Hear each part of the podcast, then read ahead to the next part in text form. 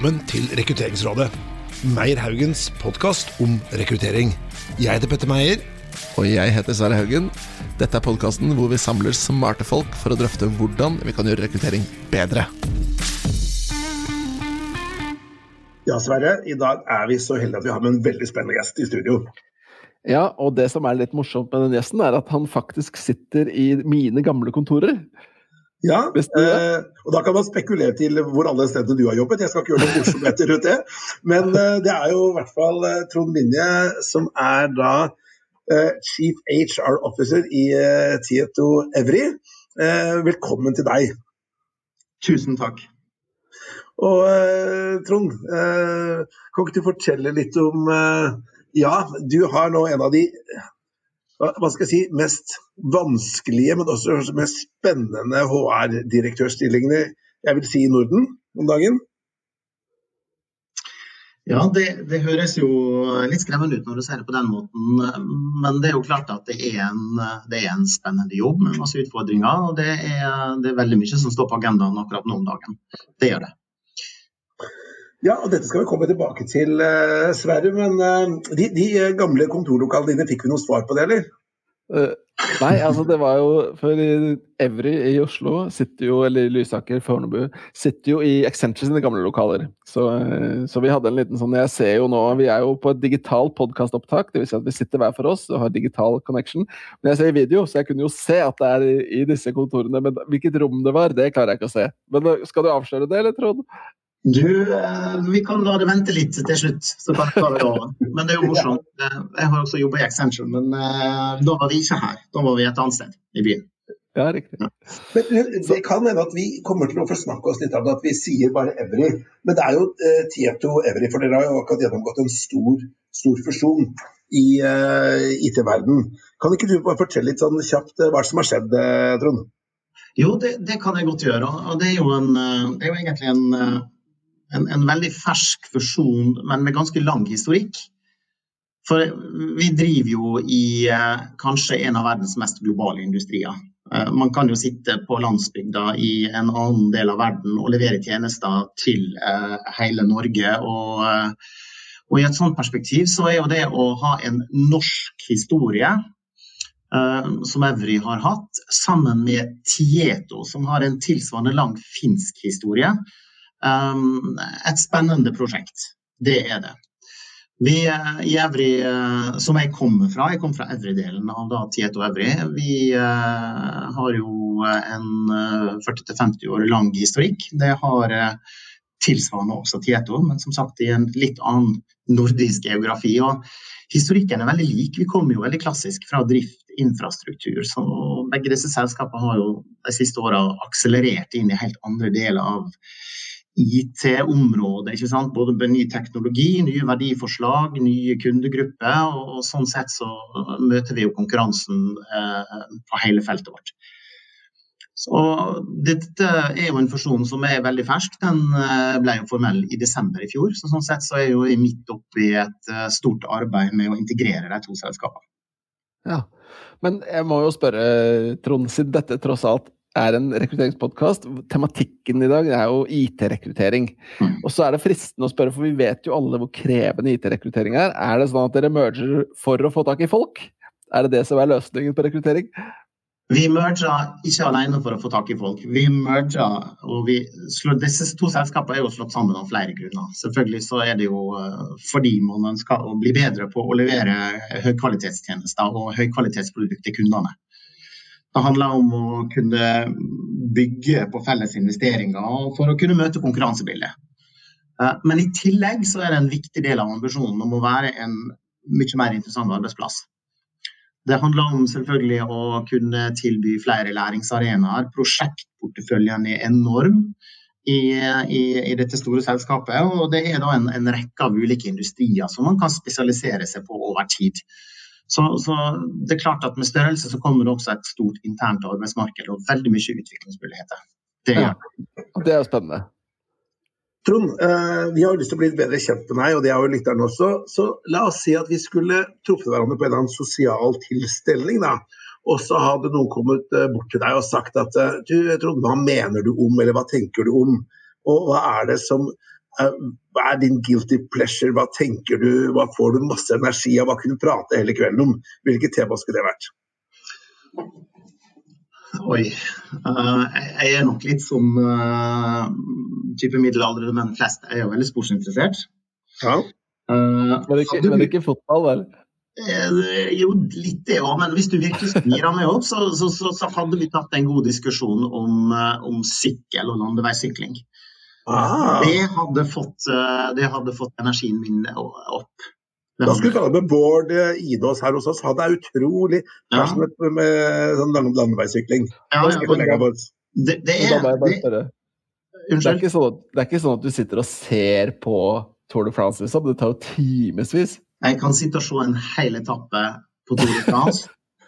uh, uten problemer, dag inn og dag ut. Jeg får som vanligvis Vanligvis får ikke lov til det, men det kunne jeg lett ha gjort. Men det er grunnen til at jeg syns det er kult, da, bare for å, å, å, eh, understreke det litt. Det er jo i utgangspunktet noe som er en individuell idrett, som i veldig stor grad er lagidrett, og det er taktikk. Ja.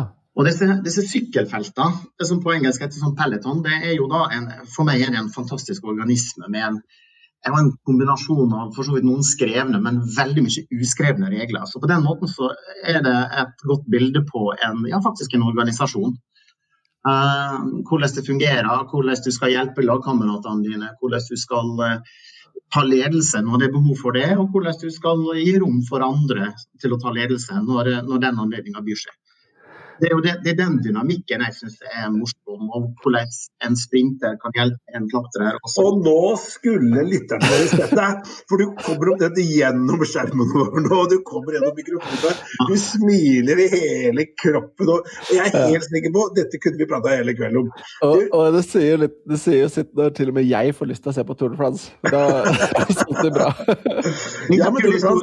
Litt av kul historie, om det. Ja. Jeg skal ikke dra den for langt. Men, eh, men, eh, og jeg husker det fortsatt veldig godt. Det var, altså Mark Cavendish vet jo alle hvem er. Ja, ja. Uh, han var jo i sin tid, Nå er han litt avleggs, men i sin tid var han jo rockestjerne. Han var jo den store i feltet. Og han ble jo verdensmester i 2011 i København. Men i Tour de France i 2012 Året etterpå så sykla han med regnbuetrøya. Han var den, var den, som bar denne trøya. Det har en enorm status og prestisje i sykkelfeltet å ha den trøya. Um, men på en av etappene så var Mark Cavendish da tilbake, og det tror jeg han var ved flere anledninger, nede for å hente vannflaske. Så du så da verdensmesteren i verdensmestertrøye nede for å hjelpe lagkameratene med å, å, rett og slett være hjelperytter. Uh, fantastisk uh, for meg en illustrasjon på ledelse, på godt og vondt. Uh, skulle jeg si. Og, og, det som er kult, er to-tre to, dager etterpå så dro de samme lagkameratene Mark Cavendish opp i et spurttog sånn han kunne vinne en etappe. Du får det du investerer inn i et lag, og du, du høster det du sår. Det er mye å lære, med andre ord. Ja, for meg er det der en, en, et glimrende bilde på hvordan ting kan fungere. På godt, uh, godt nordisk vis. Og dette her hadde jeg faktisk lyst til å prate resten av podkasten om, men dette er primært ikke en sånn landeveissykkelpodkast. Men kanskje vi skal starte opp det en gang, eh, Trond? Men jeg har, lyst til å prate, jeg har lyst til å prate litt mer om dette her med IT-rekruttering. Um, og, og Tieto Evry er jo en organisasjon som er det 24 000 medarbeidere har? I den nye sammenslåtte organisasjonen så er vi nå uh, ca. 24 000 ansatte. Og, og, det er klart, og De har jo blitt rekruttert eh, en eller annen gang. da. Så hva vil du si, eh, hva er ditt eh, beste tips hvis man skal begynne å rekruttere IT-folk generelt? da?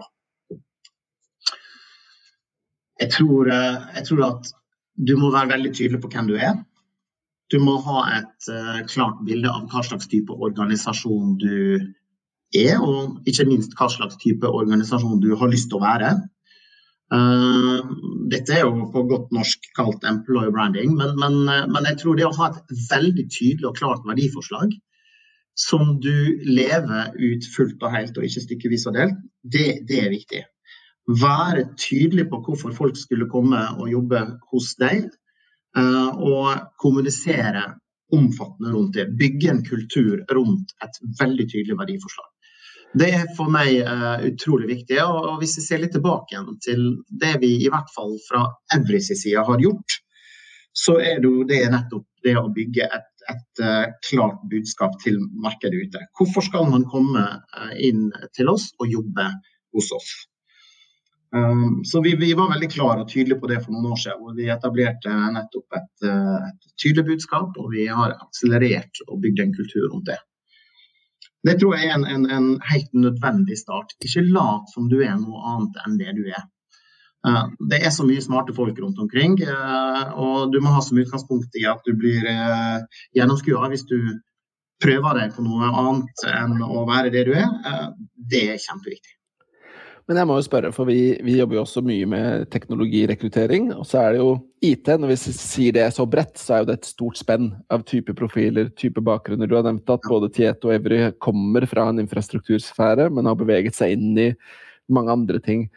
Eh, Veldig mange opplever jo IT-rekruttering som ekstremt utfordrende, gitt at det er så få kandidater, og det er flere og flere som vil ha de. Der hvor våre tidligere arbeidsgivere Accenture slåss med Evry og Tieto og andre om kandidatene før, så er jo plutselig alle selskapene med.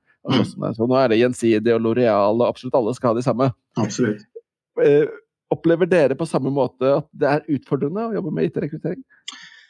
Eh, ja, vi gjør det. Vi ser jo at, eh, at eh, markedet er mer krevende enn før. Det, det gjør vi. Og, og, jeg husker jo tilbake når jeg begynte som konsulent på 90-tallet, så var jo det å være konsulent eh, noe av det beste du kunne bli. Det var jo krevende, det var mye læring, og det var et fantastisk grunnlag for en videre yrkeskarriere.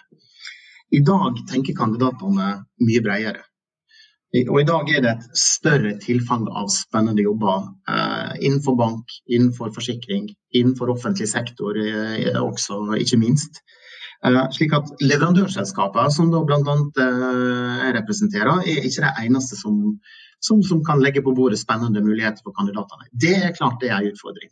Eh, det, men det, det er en utfordring selvfølgelig som vi bare må ta. Da må vi eh, bare være enda tydeligere på verdiforslaget vårt. Hvordan, hvordan, for Det er jo en interessant tematikk og et spørsmål som veldig mange stiller seg. Nå skal, nå skal jeg ikke be deg om å avsløre noen bransjehemmeligheter, selvfølgelig, men hvordan klarer man å skjære igjennom i denne stormen av kommunikasjon? For det er jo når alle skal ha dem, eh, så kan man jo tenke at dere er så mange at dere har en gravitasjon gjennom menneskene i seg selv. fordi når så mange jobber der, så kan de umulig ta feil. Men kommunikasjonsmessig, hvordan kommer man igjennom? Ja, jeg, tror, jeg tror jeg bare hekter litt svaret på det du sier her nå. Altså det, de beste ambassadørene for, uh, for, for, det å begynne å jobbe et sted, det er jo de som er i selskapet. Mm. Vi spør alle nye som begynner hos oss, hvordan eh, ble du kjent med muligheten til å begynne hos oss, hvordan kom du inn i selskapet. Og Det varierer jo litt, men det er mellom 30 og 50% svarer alltid gjennom mitt nettverk. Ja. Så, så du, det er jo som mange sier, altså, du får jo den oppmerksomheten og du får den attraktiviteten du fortjener. Uh, så du må jo begynne med det indre liv. Du må sørge for at det er et spennende sted å være. Du må sørge for at du kan tilby noe som uh, ligner læring, noe som ligner et godt miljø å være i.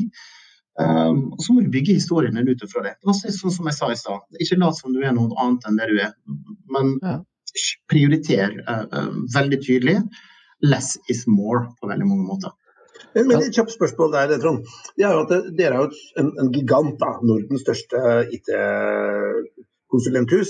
Men la oss si at du er en gründerbedrift, en liten bedrift som ikke har den derre eh, hva skal jeg si, gravitasjonskraften som du, Sverre. Eller man har ikke sånn, så store midler, man har ikke de feteste lommebøkene, man har ikke noe historikk. Hva slags råd vil du gi til de som er helt andre enden av skalaen for deg? Det er altså en liten startup som er på jakt etter noen Java-utviklere eller et eller annet. Hvordan skal de uh, gå fram det? Jeg tror det handler om veldig mye av det samme. Det handler om å, å, være tydelig på hvem du er og hva du har å tilføre og hva du har å tilby. Uh, og så er det jo viktig at kart og terreng stemmer her. Det handler om å få tak i de kandidatene som også har de beste forutsetningene for å lykkes i det miljøet du kan tilby.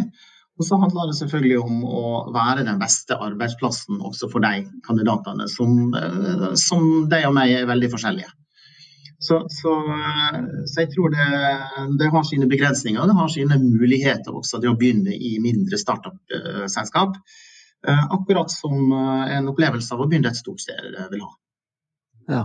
Men hvis du skal se på IT-rekruttering la oss si de siste ti årene, da, eh, mm. og kanskje også blikket framover, hva slags trender har du sett innen IT-rekruttering? Hvordan var det for ti år siden, hvordan er det i dag, og hvordan tror du det vil være om noen år, da?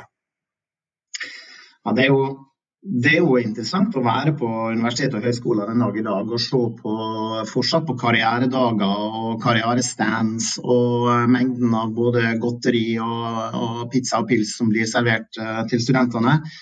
Jeg tror ikke det er så viktig lenger som det var. Jeg tror det er enda viktigere å ha litt som vi snakka om, uh, gode ambassadører som, som uh, kandidatene kan kjenne til og være troverdige på det. Og så tror jeg det handler om uh, mye tydeligere å, å, å, ha et budskap rundt hva du kan tilby. Altså hvilke utviklingsmuligheter, hvilke typer industrier du kan, kan levere på. Uh, muligheter på, og hva er det du ikke er i tillegg. Så i hvert fall det, det har vært viktig for oss. da. Nå er jo vi et stort selskap, og vi har jo veldig mange store andre kollegaer i bransjen som også har mye av den samme bredden. Eh, og det er viktig for oss å vise bredde. Vi er ikke et lite selskap, vi er et stort selskap. Og vi har mange små muligheter eh, hos oss eh, på samme måte.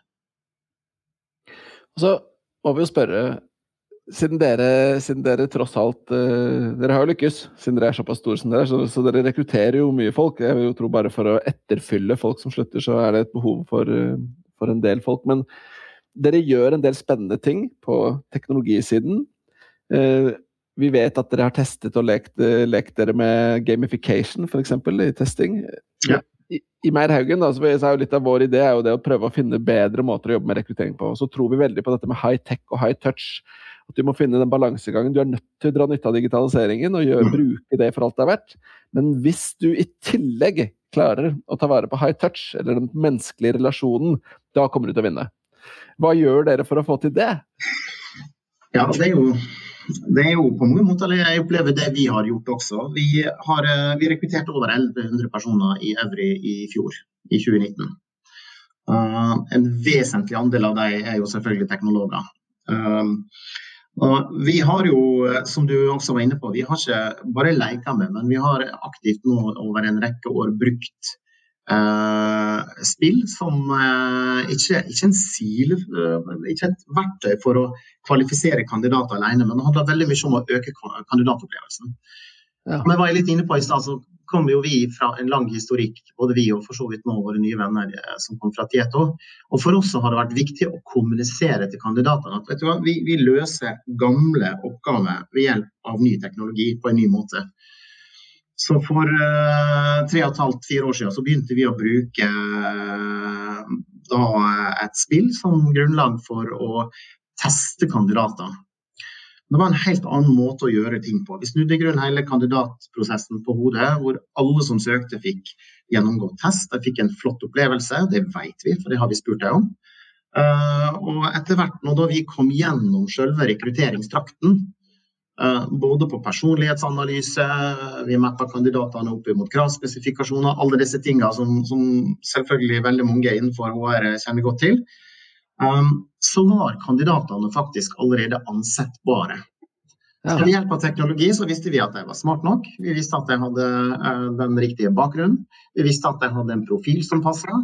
Uh, og vi så et videointervju til slutt også, som viste at de var uh, gode til å kommunisere og reflektere rundt ulike problemstillinger. Og så la vi til touchen med å invitere dem uh, hit til hovedkontoret, hvor vi traff deg. Da var jo veldig mye av salgsjobben litt motsatt. Da var det om kommunikasjon, og det var om å få fortelle mer om oss og hva vi ønsker å være for deg. Det er veldig, veldig spennende. Et spørsmål. Um, Evry består jo av ganske mange forskjellige selskaper opprinnelig. da, ikke sant? For de har jo vokst selvfølgelig organisk, men også en del oppkjøp. Og så slår man det sammen med et uh, finsk uh, selskap. Har det vært noen kulturutfordringer? Er det litt forskjellig kultur i rekruttering i Finland og Norge, eller? Vet du, Det har vært uh, overraskende likt. Altså, I utgangspunktet så var vi jo litt spente på det. Hva er det som møter oss nå? Er det en, er det en er det en lettbeint kultur mot en eh, tung ingeniørkultur, eller vice versa? Eh, er det en norsk eh, omtrentlighet knytta opp imot en, kanskje en, en, en, finsk struktur? Altså, dette er jo noen fordommer man gjerne har, men vi har jo målt dette. Vi har jo gjennomført kulturanalyser. Og vi har jo hatt noen gode, gode rådgivere på dette, og vi, vi er veldig like. Det handler om å bruke teknologi, det handler om å være kundefokusert, det handler om å være kvalitetsbevisst. Og så handler det om å være forretningsmessig, og så handler det om å, evne å balansere. Litt det jeg kaller transaksjon. ikke sant? Mye er jo transaksjoner, men samtidig også være transformativ. Så veldig mye av disse tingene hadde begge, begge selskaper i seg. Men det er ja, noe forskjell er det. Det skulle jo bare mangle. Men det er jo der vi nå er midt oppi det å skulle lage en secret sauce, en eh, retning på hva som skal prege det nye selskapet. Som da bygger på det beste fra to, og også det beste fra omverdenen rundt oss. Så du har ikke fått bekreftet noen sånne kall det fordommer eller arketyper på kulturelle ting? Har, jeg, jeg, vet f.eks. at i Accenture så er det kollegaer av meg som har vært i Finland på prosjektet og blitt invitert inn i sauna av toppsjefen i Finland kliss naken. Sånne ting har du ikke vært med på ennå? Nei, du, det, det, det, det har jeg foreløpig i hvert fall ikke blitt uh, invitert inn på. Eller på finsk, finsk tangoaften, det har jeg blitt invitert på. Det er det minst like røft, vil jeg si. Okay. Ja, den kan jeg stå over. Den kan jeg stå over. Ja. Men, men, det er jo spennende, da. Altså, vi, det er jo klart at vi har jo et veldig stort nordisk fotavtrykk. Og, og vi har jo det største kontoret vårt nå i, nasjonalt er jo i Sverige. Slik at vi møter jo litt uh, disse delvis nordiske kulturforskjellene. Det gjør vi absolutt. Og så er det viktig å balansere dette altså, med å, å se at disse kulturforskjellene må faktisk få leve. For vi opererer faktisk i ulike marked. Uh, og vi skal være gode partnere med kundene. Så vi må skjønne de ulikhetene som finnes. Og så må vi etablere en grunnmur av det som er det som skal definere selskapet vårt. Men du, uh, vi, denne podkasten blir jo tatt opp nå i slutten av april 2020. Og som sagt, her er det jo en koronasituasjon. Ehm, hvordan, hva er dine tips til bedrifter som vi ønsker å rekruttere nå i, under koronaen? Da? Eh, hvordan skal man gå fram for ikke å virke som en likplyndrer eller gravrøver eller krigsprofitør? Eh, er det noen spesielle forholdsregler man må ta? Altså, det er jo som i livet, livet ellers, man skal jo oppføre seg uh, fint, skulle jeg si. Men i utgangspunktet så er det jo klart at det er jo en utfordring uh, per i dag, det at ting er så uforutsigbart. Det, er, det, er, jo mangel på forutsigbarhet som, som, er problemet. Eh, gjerne enda, i hvert fall på lik linje med at vi har uh, en, et, redu, et, potensielt redusert uh, behov for tjenester og, og, produkt, så er det jo uforutsigbarheten som er vanskelig.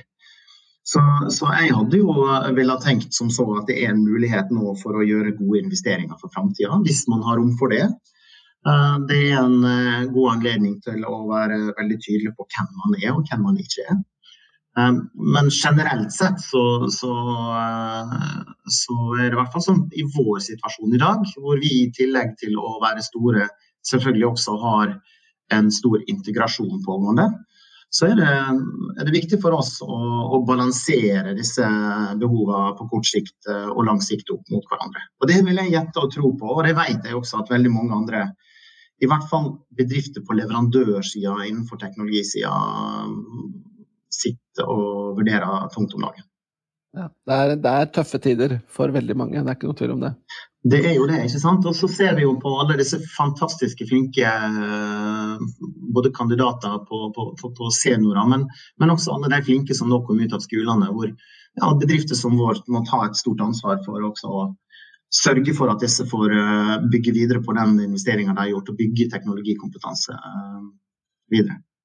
Men hvis man hadde sittet da som en, eh, en ung, nyutdannet, flink IT-person da, og tenker åh, hvordan skal dette her gå, får jeg jobb, jeg er redd for ikke Altså, ikke, altså det går rett i arbeidsledighet. Hva er ditt tips til den personen, da? Ja, det, det, er å ha pågangsmot. Det er det viktigste tipset jeg kan gi. Det er klart at i, Bare siden i fjor, og bare siden noen få måneder siden, så er det klart at uh, det kan være vanskeligere å få seg uh, internship. Det kan være mer krevende å finne seg en av de graduate-programplassene uh, som jeg vet veldig mange har, inklusiv oss. Um, fordi man er mer forsiktig. Man, man, selskapet har blitt mer risikofokusert. Derfor er pågangsmot og vilje utrolig viktig. Det banker på dørene. En, et avslag er bare et skritt eh, nærmere et aksept. Det tror jeg er viktig. Og så handler det gjerne om å tenke utenfor boksen. Det å se for seg at teknologikompetanse eller annen kompetanse en har fått, kan brukes på forskjellige måter, det tror jeg er kjempeviktig. Ha pågangsmot og, og bank på dører, og, og, ikke gi seg. Det er det beste trikset. Det beste trikset jeg kan gi til mine to sønner, som, som er litt i, i den alderen også. Ja. ja. Jeg tenkte Sven, vi skulle gå over til litt av disse beryktede og berømte dilemmaene våre. Ja. Eh, og da, Nå glemte vi jo å introdusere de faktisk innledningsvis, men, men da blir det litt sånn på sparket da, at vi tar de nå her på slutten. Og eh, Dilemmaene vi har lyst til å gi til deg, Trond, de har vi lyst til å løfte litt opp på, litt rundt den tematikken vi, vi, vi har vært innom på mange vis. Første handler egentlig litt om high tech og high touch, og det er i disse koronatider. Eh, så er spørsmålet ganske enkelt må man lukte på folk for å rekruttere dem? Eh, fordi vi er jo nå i en situasjon hvor alle er over på digitale møter, det skjer mye med digitaliseringstakten osv. Kanskje blir det en større modenhet for oss å rekruttere folk uten faktisk å ha sittet i samme rom. Mm. Hva tenker du, kan man rekruttere folk uten å lukte på dem? Jeg mener jo og delvis har svart på det spørsmålet med eksempler og erfaringer vi har eh, fra tidligere Evry, i hvert fall. Hvor, hvor vi har da hatt uh, eh, 80% av prosessen digital. Vi har jo ikke gjort dette på alle rekrutteringene, men vi har brukt uh, teknologi, vi har brukt ulike former for kommunikasjonsverktøy for å finne de kandidatene vi mener er riktige. Og de kandidatene som vi er riktige for også. Og så har vi lagt på denne touchen, som du sa. selvfølgelig. Ja. Den kan, og det har vi alle erfart i disse tider, at den kan også erstattes med godt, en god videosamtale. Ja. Og i teori er det fullt ut mulig, det er jeg helt sikker på. Er det håp? Det er håp. Det er håp. Så bra. Um, det neste spørsmålet har vi vel strengt tatt vært innom, tror jeg. Og det var dette med hvordan man kan komme gjennom eh, stormen av kommunikasjon. Så det har du jo for så vidt svart på, ser jeg nå, når jeg kikker på dilemmaene mine. Eh, så da slipper du unna med, et siste dilemma her nå. Og det er på tross, da, eller i tillegg, et av kanskje de vanskeligste. Vi må snakke litt om kjønnsbalanse innenfor teknologi. Fordi det er jo, Der er det jo kvotering som gjøres, og det er et stort underskudd på kvinnelige teknologieksperter jevnt over. Hva kan man gjøre for å få til en bedre kjønnsbalanse i tech? Det er et stort spørsmål. Og det, ja, det, er et utrolig viktig spørsmål. og Det handler ikke bare om, om, om, om kjønnsbalanse, det handler om balanse på alle mulige måter også. Um, men, men, jeg tror jo veldig tydelig på å sette noen klare mål. Jeg tror, på, jeg tror, veldig på ambisjoner. Hvis dette ikke er viktig for deg som virksomhet, og hvis ikke du har ledere som, som brenner for dette, så, så, kommer du alltid til å slite med å utvikle virksomheten godt nok på dette området. Så tydelige mål, gjerne kvantifiserbare. Uh, med prosenter over x antall år, det, det, har jeg veldig god erfaring med, i hvert fall. Uh, og så handler det om å tørre. og Det handler om å ikke alltid går for det som er trygt og godt. Uh, vi har jo erkjent at vi, vi, opererer innenfor en veldig mannsdominert industri, dessverre. Vi, uh, ifølge tall fra Abelia så opererer vi vel med 6-27 uh, mannlige ansatte i industrien. og det er klart for oss er ikke det godt nok over tid å ha en, en verken en kjønnsbalanse generelt sett, og i hvert fall ikke på ledernivå heller.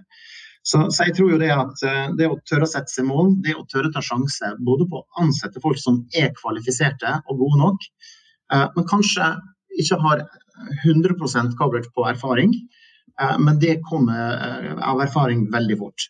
Så det å tørre å ta sjanser, da tar dette spørsmålet på alvor er kjempeviktig. For det finnes mer enn nok av gode, kvalifiserte kvinner og menn til alle typer roller. Kan vi dra det så langt som å si ja til kvotering? Jeg tror ikke på kvotering i den forstand at ikke kvalifiserte kandidater skal på jobben. Eh, men vi, vi har jaggu meg et stort ansvar i å virkelig eh, snu bunken og, og gå gjennom flere ganger kandidatlistene. Ja. Eh, det, handler, det, handler, ikke om at personer ikke er kvalifisert, men det handler kanskje om at og det gjelder alle veier, at man må bare være mer åpen for ulike former for bakgrunn. Ja. Det, så er det vel kanskje... Det tror jeg på kan lykkes så er det vel kanskje litt sånn som, sånn som vi snakket om med gravitasjonen i organisasjonen. Altså, hvis du først begynner å få på plass flinke, dyktige rollemodeller, så, så hjelper det også med å tiltrekke flere. Enten det er kvinner eller som du sier, andre former for, for diversifisering. Da. Kjempeviktig. Klare mål også, rollemodeller. Og så faktisk tørre å dele oppnåelse. Uh, være åpen og transparent også når det gjør vondt. Hvis ikke du har mer enn 25% kvinner, og du har en større ambisjon enn det, så må du faktisk tørre å, å, å dele den, uh, den, manglende oppnåelsen med resten av selskapet. Da er det fristende å spørre, blir du, blir du målt på det her? Har du noen tall du skal jobbe mot? Vi, vi, er jo et momentum nå i det nye selskapet hvor vi skal sette disse målene. I, i Evro hvor vi kom ut fra, fra, det, så hadde vi en målsetting om veldig høye kvinnerandeler konkret, og vi var åpne og transparente på det. Ja. Det er jo det, det er min ambisjon om å få på plass det også. Det ligger jo i kortet. Det har vært så spennende å prate med deg. Jeg vil si tusen takk for at du tok deg tid til dette her. Det er, en, ja, det er alltid spennende å høre deg, Trond, i forhold til dine perspektiver. Både i forhold til IT-rekruttering, rekruttering i koronatider og også en fusjon mellom to store giganter innen en uh, IT-konsulentvirksomhet. Men uh, jeg tenkte vi skulle gå inn for landing nå.